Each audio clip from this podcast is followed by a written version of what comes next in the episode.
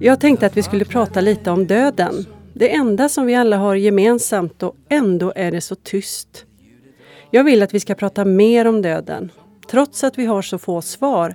Eller kanske just därför. För att mötas i det ovissa, våga närma oss det oundvikliga och varandra. Jag tror att vår relation till döden påverkar vår relation till livet. Det här är en podd om döden med mig, Anna-Karin Santonen Öjerskog. Tänk jag tycker att det låter som änglasång som sköra ton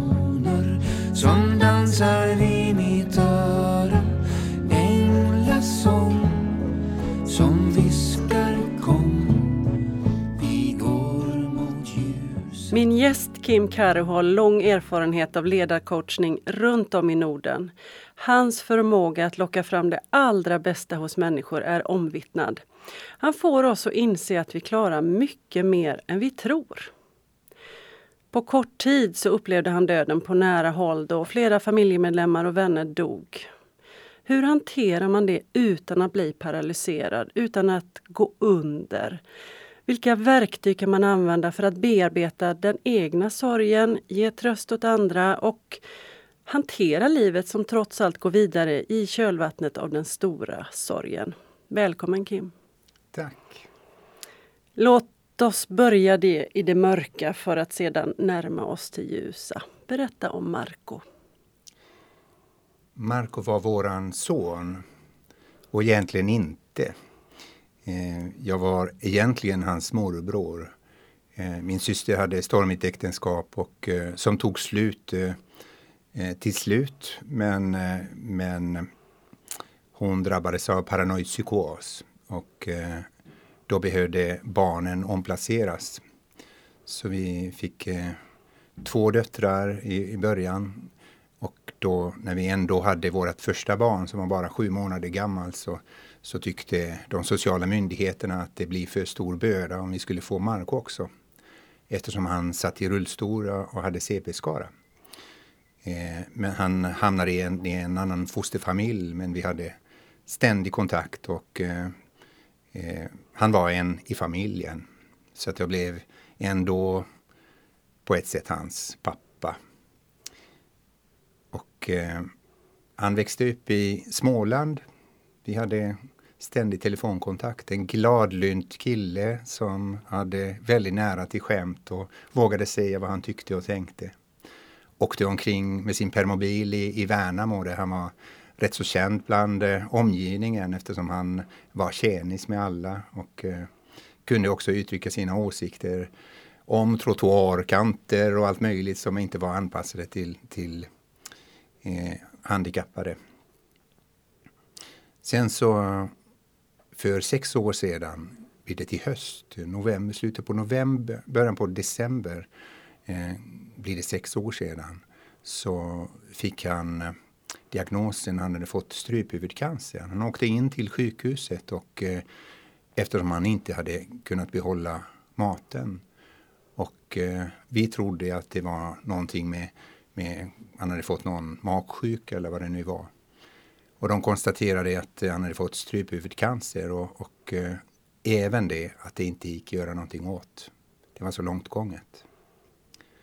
Och eh, den första perioden, det tog inte mer än 14, 15, 16 dagar. Eh, då var vi eh, först eh, på sjukhuset hos honom och bodde på hotell i Värnamo. Och eh, han ville flytta hem. Han ville avsluta sina dagar hemma.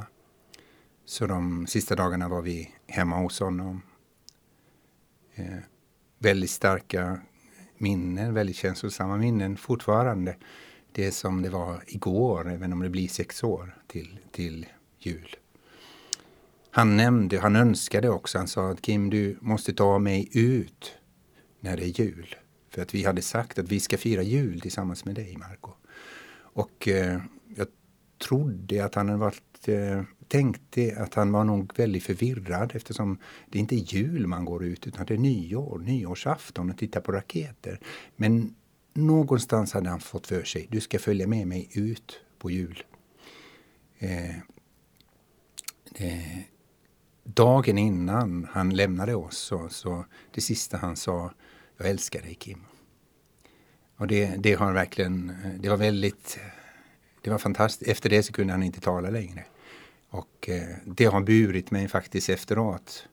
Nu kan ju hela världen skälla ut mig och eh, säga onda saker men det spelar ingen roll för att det Marco har sagt det. Han älskar mig, det sista han sa innan han lämnade oss. Eh, dagen före eh, julafton så bodde vi hos eh, våra släktingar i Huskvarna. Och då ringde de eh, ifrån, eh, sköterskorna ringde ifrån eh, hans hem och sa att då hade han lämnat. Då var inte, vi var inte plats just den stunden. Då hade han inte kunnat kommunicera längre. Vi åkte dit eh, direkt och eh, klockan hade passerat elva. Då blir man väldigt paralyserad. Och vad gör man nu då? Vad ska man göra? Man ska väl kontakta begravningsbyrån. Mitt i allt detta så hade man ändå inte planerat någonting. Hur ska man göra? Hur ska man göra? Hur ska man gå tillväga? Och då tog jag min telefon och började googla vad finns det för begravningsbyråer och, och eh, hittade en. Och de kom och hämtade honom. Och eh, när de bar ut honom så hade snön börjat falla. Mm. Och eh, det var julafton. Fint. Då kommer jag ihåg hans ord. Du ska följa med mig ut. Jag stod där vid begravningsbilen. Och när de, när de bugade innan de körde in honom så, så då kommer jag ihåg, jag följde med honom ut när det var jul. Mm. Jag eh, höll ett minnestal på hans begravning, vilket var kanske väldigt tufft att kunna göra det ändå. Men jag tror att om Marco hade fått välja så, så hade han nog valt mig. Mm. Det var jag som var, som han kallade mig för morbror Jupp och eh, vi hade båda två väldigt intresse för prylar. Så att, eh, så, mm. Vi kommer tillbaka till det Kim, för att just att hålla tal och minnestal, det har ju följt med dig i, eh, i, under din resa under det här, den tiden när döden var din följeslagare. För knappt året efter att Marco hade gått bort så ringde din bror och berättade att hans son hade tagit livet av sig. Det var ett telefonsamtal några dagar innan jag skulle åka till New York. Och han är norrlänning och finne och eh, då ser man inte så mycket, många ord och så vidare. Men då ringde han och eh, skrek i telefon. Och då insåg jag att det var någonting eh, väldigt extraordinärt som hade hänt. Och jag frågade vad det var och eh, när han kunde hämta andan så berättade han att Kristoffer är död en av hans två söner hade, hade tagit livet av sig. Eh, pojkarnas mamma, eh, min bror har två, hade två söner och deras mamma hade dött i bilolycka i 11-12 år tidigare. Och eh, jag talade på den begravning också på tal om det och eh, gjorde det minnesstunden till en ljusare upplevelse för, för, dem som, för oss alla som sörjde. Och eh, eh, hans flickvän hade lämnat honom och det blev för mycket och eh, när min bror kommer hem så, så hittar han honom hängande i bjälken. Eh, då tog jag första flyget upp och eh, hjälpte honom med alla praktiska saker när det gäller då begravning och eh, eh, även talade på den, den, den begravningen där. Mm. Och på just den begravningen så var det någonting med din syster. Dagen efter begravningen så, så ville min syster bjuda på kaffe och vi var och besökte henne då. Hon hade väldigt ont i magen och eh, hade det väldigt besvärligt och eh, vi pratade med henne och sa att vi behöver ju åka till läkaren och kolla upp det där. Hon nämnde att eh, kommande veckan skulle hon ju då till läkaren och skulle undersöka vad det var. Och det visade sig att hon hade cancer och det var väldigt långt gånget så det det var inte så mycket att göra åt det. Så hon kämpade eh, ja, hon, eh, hon kämpade nästan ett år med det där innan hon också fick eh, eh dö. Mm. Och sen dog din mamma året efter? Året efter dog min mamma. Mm. Medan hon läste en tidning som hade köpt till henne när jag hade besökt henne så, så ramlade hon ihop eh, vid köksbordet och, och dog. Mm. Alltså det du beskriver nu det är ju varje människas mardröm. Det är det vi till varje pris försöker kämpa för att undvika, för att ducka och eh, det går inte. Men när du nu sitter här och på ett sätt summerar lite kort allt det som hände, vad tänker du då? Det är en väldigt märklig och konstig känsla. Den första känslan som kommer upp det är tacksamhet.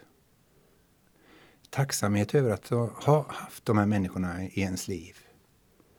Och tacksamhet över alla dessa små stunder som man har, som har tillbringat med, med alla dessa. Mm. Det är det som kommer upp först. Mm. När kunde du kroka arm med tacksamhet? Alltså jag tänker i perspektiv, kunde du känna det omedelbart eller är det en känsla som har vuxit fram tror du? Jag tror att det växer fram efter när man har gått alla olika stadier, när man be, be, behandlar sin egen sorg.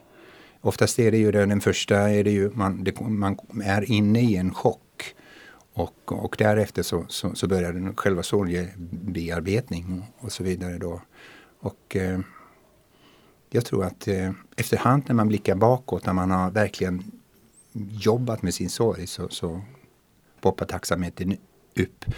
Och det innebär inte att att, att inte så, stunder av sorg och, och ledsamhet kommer i jämna mellanrum. Jag vet det tog ett par år för mig att bara titta på den lilla lådan som man hade plockat ihop eh, efter Marco då, som hade några små saker som jag, som jag ville behålla då. Och jag hade hans eh, ID-kort i min plånbok men jag vågade aldrig ta upp den. För att det var så smärtsamt. Mm. Men efterhand så börjar mer och mer tacksamhet poppa upp. Att man fått, fått vara med och varit delaktig i en annan människas liv. Mm.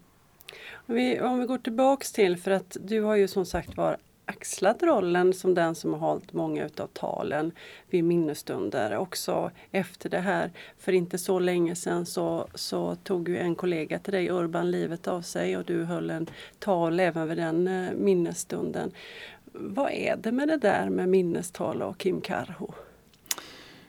Det märkliga är att eh, det verkar som att jag börjar bli sån här minnestalare. Eh, eh, och, men det känns så väldigt meningsfullt. Det var en son till några vänner till oss som också hade tagit livet av sig för, för några år sedan här. Där jag, där jag höll ett litet tal då på, på minnesstunden. Vad jag har märkt då att vad jag har pratat också om, vad viktigt det är att man tar hand om varandra. Oftast är det ju i sådana situationer då så är det ju många som känner för de drabbade och de som har blivit kvar. Men man vet inte vad man ska göra. Och då säger man ingenting. Och då blir det tyst. Och det är kanske en av de värsta som händer hos någon som har mist en anhörig eller någon, någon nära inpå. Att ingen kommer och frågar eh, eller, eller, eller tar del av sorgen på ett eller annat sätt. Det, det är en av de råden jag brukar ge då. Liksom att du behöver inte veta vad du ska säga. Mm. Om du inte har någonting att säga, så ge en kram. Mm. Det är många som beskriver just det du säger och det kanske handlar om våran beröringsskräck för döden. Eh, att man vill undvika det, att man på något konstigt sätt är rädd för att bli smittad. Eh, att det är läskigt att, att prata om det. Att det I stunden översköljs man kanske av blommor och empati men i takt med att begravningen är över och tiden går så klingar det av och alla har fullt med sitt. Och, vad, vad, vad kan man göra då? Man kan göra en hel del. Dels eh, påminna sig själv att höra av sig i jämna mellanrum. Vissa bröllop så har man, får bröllopsgästerna en uppgift om att, att eh, höra av sig och bjuda brudparet på middag och så vidare. De nygifta på middag och vad det nu än är. Man borde också göra på begravningar. Så här, liksom. nu, du, eh, du ska höra, höra av dig om en månad och du hör av dig om två månader och så vidare. Jag vet, eh, min fru hade Eh, fick kontakt på Facebook med någon gammal bekant eh, sen många år tillbaka. Och den här personen i fråga skrev att det var en händelse som kommer aldrig att glömma. När min pappa eh, gick bort så dagen efter så kom du med en stor påse bullar till mig. Och så sa att du kommer att behöva det här eh, när, när du får så många besök efter som hjälper dig. Mm. Och bara den, den handfasta eh, gärningen gjorde att den, den personen eh, fick något väldigt minnesvärt och, och upplevde att det var en kärlekshandling. Men jag kan ju känna mig lite osäker för man vill inte störa människor i sorg heller. Det känns som man liksom klampar in där. Vad tänker du kring det? Jag tror inte att man klampar in. Eh, om man nu gör det så tror jag att, eh, att de sörjande kommer att kunna då ha förmågan ändå att säga ifrån. Att nu vill vi vara ensam eller nu vill jag bli lämnad i fred. Men rätt ofta i, när man är i det tillståndet så behöver man folk runt omkring sig och den sociala kontakten och värme och, eh, och eh, även om någon skulle komma in och inte ha någonting att säga, bara sitta tyst en stund. Mm. Så det kan vara läkande. Mm. Så nu har vi pratat lite grann om vad man kan göra när man är nära någon annan som har en stor sorg. Att man ska våga närma sig, eh, känna sig trygg med att de själva sätter gränser, gör mer eh, än för lite kanske, att inte komma med alla svaren. Men hur kan jag själv, hur kan jag jobba med mig själv och min egen sorg? Hur kan jag ta mig vidare? Det är ju inte så lätt alltid att eh, framförallt ifrån utifrån komma och berätta för någon och, och tala om att, att gör si och så här. Eh, det är inte heller det vi ska, vad vi ska undvika också, säga att jag vet hur du har det. Ska vi undvika att säga så? Exakt. Ah. Därför, även om man har egen upplevelse av döden mm. så är det så många olika olika upplevelser. Vi vet aldrig vad någon annan känner. Mm. Det vet vi inte. Så därför så, så, så behöver vi inte säga jag vet hur du har det. Mm. Men, men den som har drabbats av sorg så viktiga saker är tror jag att bara både veta att det tar tid. Det finns ju vissa som säger att det, det tar kalenderår att komma över. I vissa fall så tar det ännu längre tid. Det kommer ett antal minnesstunder. Det blir julaftnar, det blir födelsedagar, det blir midsommarfiranden och så vidare. Då, där alla minnen kommer tillbaka. Mm. Eh, så att ge det tid. Viktig sak också att våga släppa fram sina känslor. Jag eh, eh är uppvuxen i Finland och eh, föddes i en finsk familj och kommer på en, en sak just nu när jag talar. Min pappa dog när jag var 15 år. Jag hade inte fyllt 15, jag var 14 år. Och då fick jag ju lära mig. Jag spelade i ett litet källarband och hade långt permanentat hår med skinnjacka och så vidare. och man skulle vara så tuff och så vidare. Och då fick jag lära mig Eh, antingen ifrån den man, manliga kulturen eller om det var kopplat finska. till också finska kultur, mm, finska vemodet. Ja. Exakt. Att männen gråter inte. Och jag minns hur jag stod med mina syskon eh, vid min pappas grav då, eh, och kände sån extrem smärta och sorg. Men samtidigt på något vis fanns det ingen förmåga att gråta. Och då, för min del, tog det många år eh, jag var vuxen, hade egen familj, stod hemma, stod vid eh, min, min bokhylla, hade köpt eh, böcker på antikvariet och så, så eh, öppnade jag en, en diktbok av Nils Bolander. En dikt som handlade om, han skriver om sin mamma.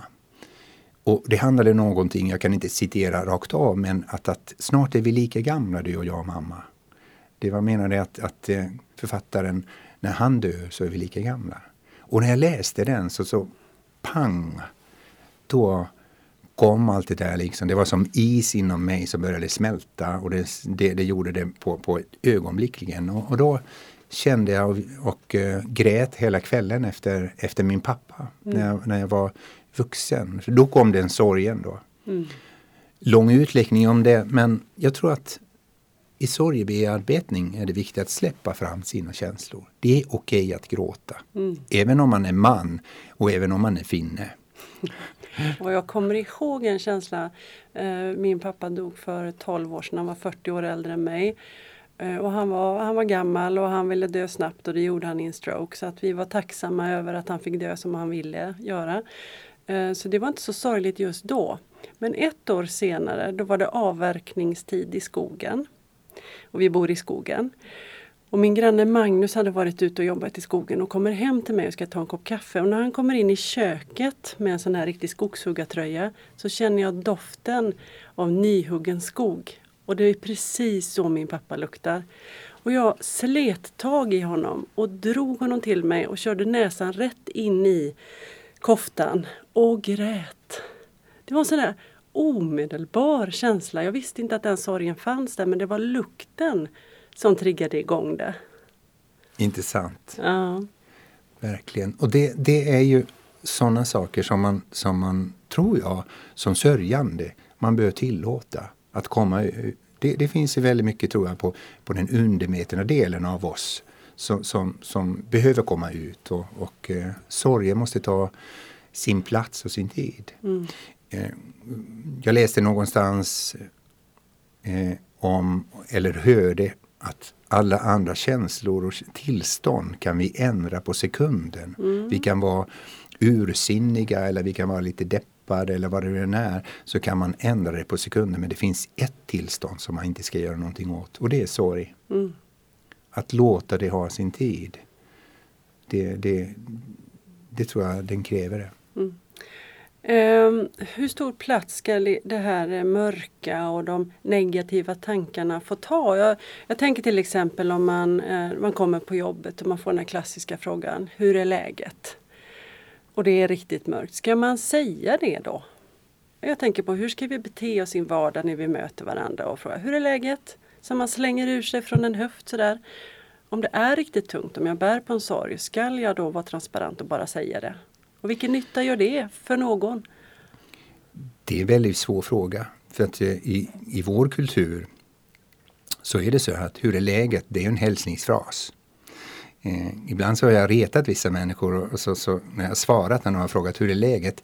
Ja, vill du höra det så får du sätta dig ner så ska jag berätta. Ja. så, så, så, så, det kan ju vara alltså att personen i fråga blir, alltså det blir bara en, en jobbig pinsam situation. Mm. Ena sidan. Å andra sidan så tror jag att eh, man bör vara öppen eh, överhuvudtaget oavsett om man fått sorg eller inte. Öppen om att, att nu, är, nu mår jag inte riktigt bra. Mm.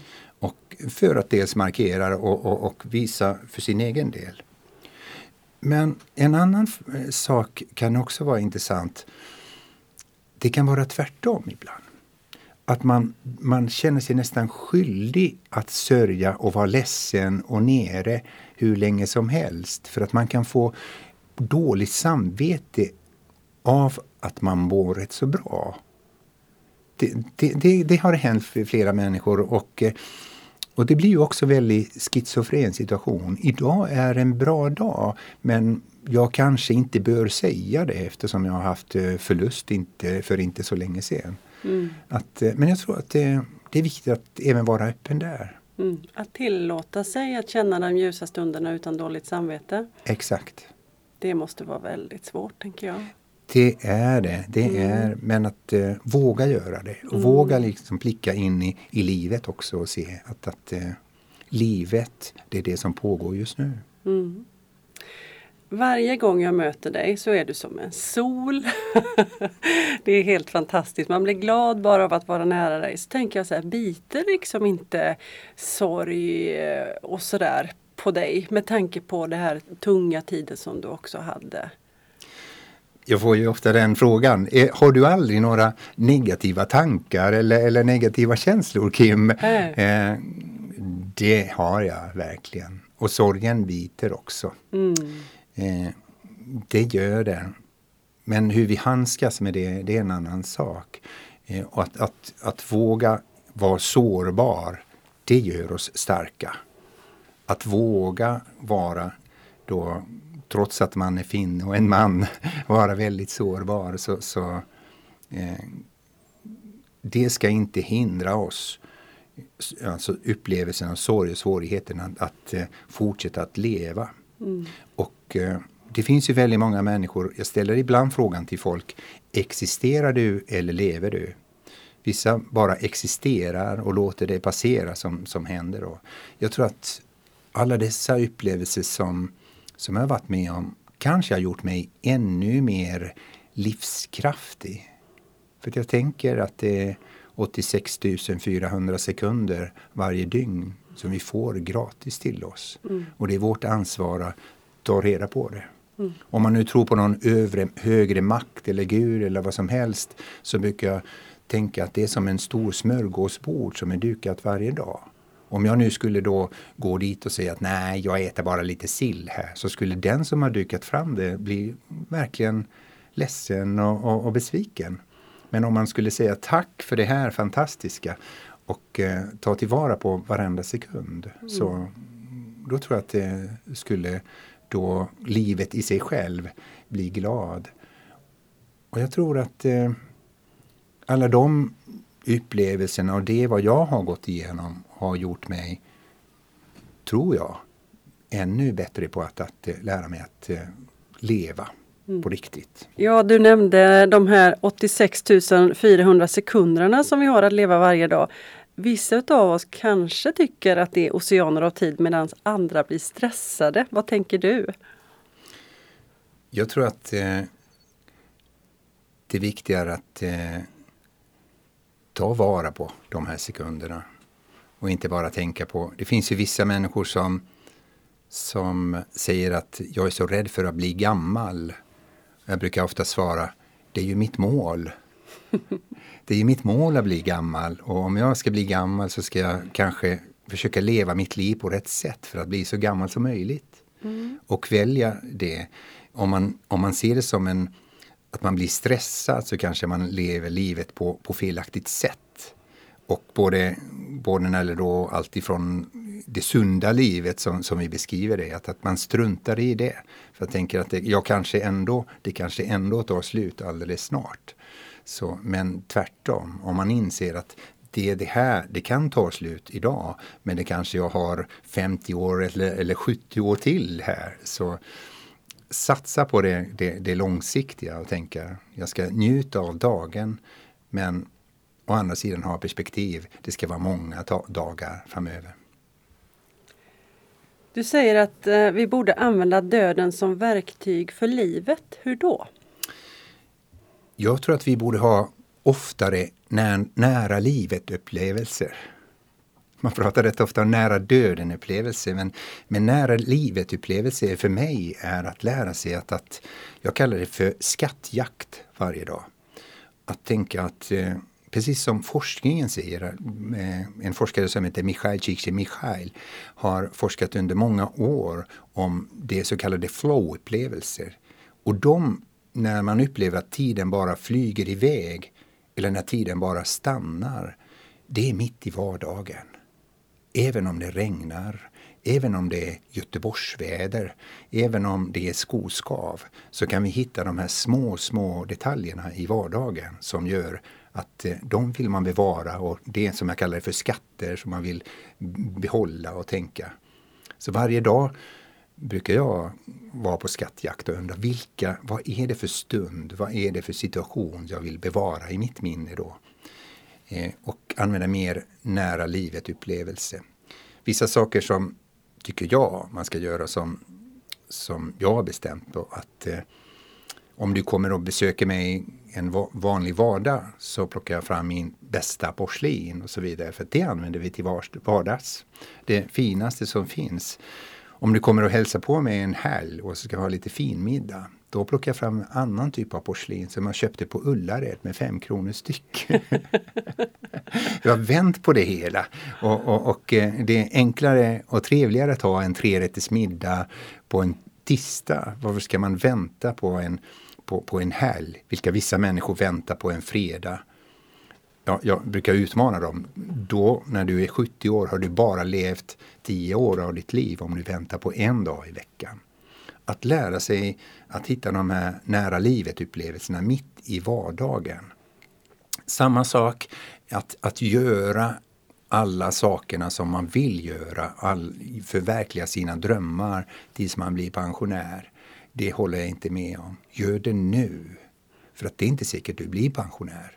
Och kanske när du blir pensionär så är du så trött så du orkar inte göra det. Så, så jag har rest eh, överallt i, nästan i världen och så vidare. För att jag tänkte att alla de här resorna, alla de här upplevelserna jag gjort, det hade jag aldrig orkat med eller hunnit med då efter, efter pensionsåldern. Eh, så man ska inte spara livet. Det går inte spara livet. Utan man ska ta vara på alla de små stunderna som finns i vardagen.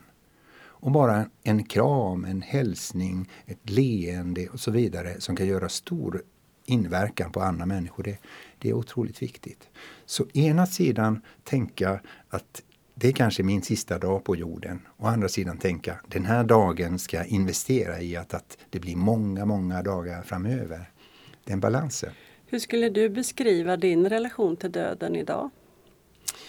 Eh, jag pratade med någon som var flygrädd och eh, nämnde då att, att ibland så konstaterar jag när, jag när jag flyger och när det börjar skaka eller blåsa och så vidare så har jag en tanke då att eh, nu kanske jag dör. Sen så somnar jag. så så det, det, blir en, det blir en mer, alltså rädslan eh, har försvunnit rätt så man vill ju vara med om, man vill vara med om, om sina barn och barnbarn och, och se eh, fantastiskt. Men samtidigt så tror jag att eh, jag är nog mindre rädd för att dö. Om jag skulle dö idag så, så skulle jag vara överlycklig och glad över allt vad jag har varit med om. Alla människor jag har fått hjälpa och, och förverkliga sina drömmar och så vidare. Så, så det skulle inte vara i alla fall den känslan att, att jag har inte gjort något vettigt här. Mm. Du jobbar ju som eh, mental tränare och, och ledarcoach och så vidare och en del utav oss har ju dödsångest på riktigt. Du pratar om det här med fly, flygrädsla men vi är ju en del utav oss riktigt, riktigt rädda för att dö och det är oundvikligt. Hur kan man jobba med den rädslan? Dels, som, dels kan man jobba då med om det är kopplat till viss, till exempel att flyga. Då. Liksom det finns ju terapeuter och så vidare man kan, man kan eh, eh, gå igenom en, en behandling då för att komma över det. Då. Men rätt ofta är det faktiskt i alla sammanhang när man möter sin rädsla ö, öga mot öga. Om man tar tag i spindeln eller ormen och så vidare då, och, och eh, verkligen är med om det så, så, så minskar automatiskt den här rädslan. Man märker att det, det, det tog ändå inte det tog, eh, mitt liv tog inte slut mm. på grund av det. Men eh, samtidigt så ska man inte negligera människor för att den upplevelse som, som man har, den är verklig. Mm. Den eh, eh, Hjärtat pulserar och blodtrycket går upp och, och, vad det nu händer, man blir svettig och så vidare. Då ens hjärna upplever det som en verklig situation i olika sammanhang när man, är, när man hamnar i en paniksituation eller, eller upplever nära döden upplevelse. Mm. Så om jag förstår det rätt, om man har dödsångest eller tycker att det känns väldigt obehagligt att våga närma sig döden på, på ett sätt kanske som anhörig eller som tröstande eller att vara närvarande kan vara ett sätt att dela med döden som jag brukar säga. Jag tror det. Jag har jobbat med några som har fått lätt lättare att hantera döden när de har eh, tröstat någon annan, har varit mm. nära eller, eller eh, varit i, i den processen där någon, någon går bort. Så är det enklare för sin egen del att, att hantera det. Mm. Men som sagt, det finns ju inte några fem minuters kurs eller någon, någon, bok som man kan läsa tre steg för att du ska bli bättre på att hantera dödsångesten. Det tror jag inte på. Nej. Tack Kim för att du gästade en podd om döden. Hur har du det med döden? Kanske bär du på en stor sorg och saknad eller rädsla för det som väntar. Kanske är du nyfiken, likgiltig, stretar emot, längtar, skiter i vilket eller är trygg i förvissningen om att slutet gott, allting gott. Personligen tror jag att alla möts igen i någon slags evighet. Jag ser fram emot att träffa pappa, mormor, tant Vera och alla jakthundarna. Att vara organdonator är självklart i ett supersmart kretslopp. Men jag är lite rädd för kremeringen och jag vill ha en präst som omsorgsfullt tar reda på vem jag var i jordelivet och håller ett fint tal.